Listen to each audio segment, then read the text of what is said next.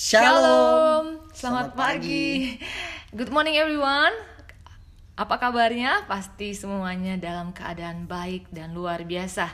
Pagi hari ini kita akan bersama-sama memuji dan menyembah Tuhan. Satu pujian akan kita nyanyikan, yaitu Tuhan ku percaya. Namun sebelumnya kita akan bersama-sama masuk di dalam doa terlebih dahulu. Bapak terima kasih Tuhan kau kami boleh kembali datang kepadamu untuk menyembah Engkau, untuk membaca firman-Mu Tuhan. Itu semua karena kebaikan-Mu Tuhan bagi kami. Tuhan berbicaralah Tuhan melalui firman hari ini. Biarlah menjadi rema dan kekuatan dan inspirasi yang baru bagi kami semua. Terima kasih Yesus. Amin. Amin.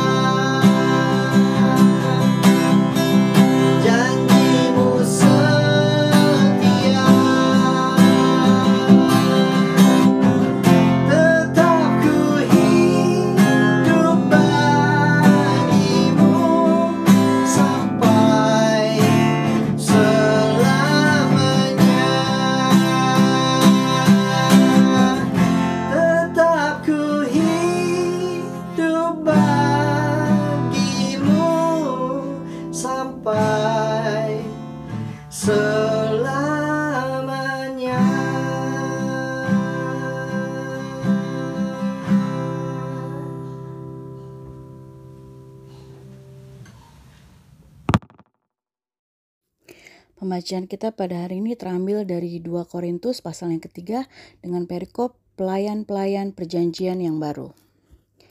Adakah kami mulai lagi memujikan diri kami? Atau perlukah kami seperti orang-orang lain menunjukkan surat pujian kepada kamu atau dari kamu? Kamu adalah surat pujian kami yang tertulis dalam hati kami dan yang dikenal dan yang dapat dibaca oleh semua orang.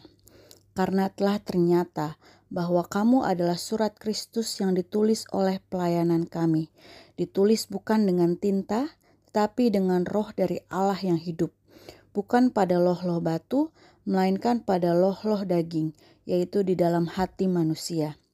Demikianlah besarnya keyakinan kami kepada Allah oleh Kristus. Dengan diri kami sendiri, kami tidak sanggup untuk memperhitungkan sesuatu seolah-olah pekerjaan kami sendiri. Tidak, Kesanggupan kami adalah pekerjaan Allah. Ialah membuat kami juga sanggup menjadi pelayan-pelayan dari suatu perjanjian baru yang tidak terdiri dari hukum yang tertulis, tetapi dari roh. Sebab hukum yang tertulis mematikan, tetapi roh menghidupkan. Pelayanan yang memimpin kepada kematian terukir dengan huruf pada loh-loh batu, namun demikian, kemuliaan Allah menyertainya waktu ia diberikan. Sebab sekalipun pudar juga cahaya muka Musa begitu cemerlang, sehingga mata orang-orang Israel tidak tahan menatapnya. Jika pelayanan itu datang dengan kemuliaan yang demikian, betapa lebih besarnya lagi kemuliaan yang menyertai pelayanan roh. Sebab jika pelayanan yang memimpin kepada penghukuman itu mulia, betapa lebih mulianya lagi pelayanan yang memimpin kepada pembenaran. Sebenarnya, apa yang dahulu dianggap mulia, jika dibandingkan dengan kemuliaan yang mengatasi segala sesuatu ini, sama sekali tidak mempunyai arti. Sebab, jika yang pudar itu disertai dengan kemuliaan, betapa lebihnya lagi yang tidak pudar itu disertai kemuliaan. Karena kami mempunyai pengharapan yang demikian, maka kami bertindak dengan penuh keberanian. Tidak seperti Musa yang menyelubungi mukanya, supaya mata orang-orang Israel jangan melihat hilangnya cahaya yang sementara itu. Tetapi pikiran mereka telah menjadi tumpul, sebab sampai pada hari ini selubung itu masih tetap menyelubungi mereka. Jika mereka membaca Perjanjian Lama itu tanpa disingkapkan, karena hanya Kristus saja yang dapat menyingkapkannya. Bahkan sampai pada hari ini, setiap kali mereka membaca kitab Musa, ada selubung yang menutupi hati mereka. Tetapi apabila hati seorang berbalik kepada Tuhan, maka selubung itu diambil daripadanya. Sebab Tuhan adalah roh, dan di mana ada roh Allah, di situ ada kemerdekaan dan kita semua mencerminkan kemuliaan Tuhan dengan muka yang tidak berselubung. Dan karena kemuliaan itu datangnya dari Tuhan yang adalah roh, maka kita diubah menjadi serupa dengan gambarnya dalam kemuliaan yang semakin besar. Amin. Demikian bunyi firman Tuhan. Shalom, good morning Ellen. Good morning Ellen. Ellen, thank you so much ya udah bersedia membacakan firman Tuhan pagi hari ini yaitu di 2 Korintus 3. Uh, eh, House Australia Ellen. Ellen ini adalah salah satu teman kita. Ellen dan keluarganya merupakan salah satu uh, sahabat kita juga waktu kita di Australia ya. So House Australia, good morning Australia. Good morning Sydney. Sekarang uh, kangen juga ya sama Sydney ya? Yes. Sekarang di sana jam Banget. berapa ya? Kita beda 4 jam. Actually from Jakarta uh, sama Australia kita beda 4 jam dan masih pagi juga di sana ya. Oke, okay, sekali lagi thank you so much Ellen untuk pelayanannya bersama-sama kami pagi hari ini. Tuhan Yesus memberkati kamu berlimpah-limpah ya. Haleluya. Jadi karya keselamatan adalah buah hasil dari maha karya Roh Kudus. Jika seseorang diselamatkan, itu bukan hasil jeripaya manusia, melainkan karena roh Allah yang bekerja melalui siapa saja yang mau dipakai oleh roh kudus untuk memberitakan Injil keselamatan. Sebagai pengikut Yesus, kita harus mau terlibat dan bersyukur jika Tuhan izinkan kita ambil bagian dalam memberitakan Injil keselamatan Yesus Kristus. Tidak boleh sombong dengan mengatakan karena kita seseorang bertobat atau diselamatkan. Ingat, pelayanan ini milik Kristus bukan milik kita. Lalu di ayat 7 sampai 18 kita belajar beberapa hal nih Lus. Iya. Yang pertama ada yang lebih besar dari hukum Taurat yaitu Yesus sendiri yang datang untuk menggenapi hukum tersebut. Jangan terlalu fokus kepada hukumnya tetapi melupakan Tuhannya yang adalah kasih. Walaupun baik untuk dapat melakukan semua perintah Allah, tetapi kita sudah belajar yang terutama adalah kasih tanpa ada kasih untuk Tuhan dan sesama, semua kegiatan keagamawian kita itu kosong di hadapan Allah. Poin yang kedua, di ayat yang ke-14, mengajarkan kita supaya hati kita tidak dikeraskan sehingga kita tidak mengerti kebenaran Allah. Kita harus menerima Kristus, masuk dan membiarkan Roh Kudus bekerja di dalam kita sehingga ia yang akan memberikan kita pengertian lewat renungan Alkitab, lewat pujian dan penyembahan, lewat segala hal, di mana pun dan kapan pun, roh kudus itu berbicara. Dan semakin kita bangun keintiman kita dengan Tuhan, kita akan semakin peka akan suara Tuhan. Dan kita akan diubahkan menjadi serupa dengan Tuhan Yesus. Nah, kalau kamu pasti lebih detail nih, Lus. Kamu dapat apa, Lus? Oke, okay. uh, eh, remind saya dapat yaitu di ayat 4 sampai 18 itu panjang tapi saya akan bacakan dalam terjemahan bahasa Inggris NLT hanya di ayat 4 sampai 6 dan 16 sampai 18. We are confident of all this because of our great trust in God through Christ. It is not that we think we are qualified to do anything on our own. Our qualification comes from God. He has enabled us to be ministers of his new covenant this is a covenant not of written laws, but of the Spirit. The old written covenant ends in death, but under the new covenant, the Spirit gives life. But whenever someone turns to the Lord, the veil is taken away, for the Lord is the Spirit, and wherever the Spirit of the Lord is, there is freedom. So all of us who have had that veil removed can see and reflect the glory of the Lord and the Lord, who is the Spirit, makes us more and more like Him as we are changed into His glorious image.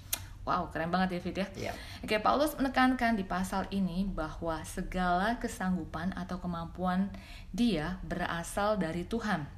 Dia sadar dan yakin, pede banget bahwa kepercayaan yang dia miliki ada kepercayaan yang besar terhadap Tuhan melalui Kristus yang memampukan dia dan teman-teman pelayanannya untuk menjadi pelayan-pelayan Kristus di perjanjian baru.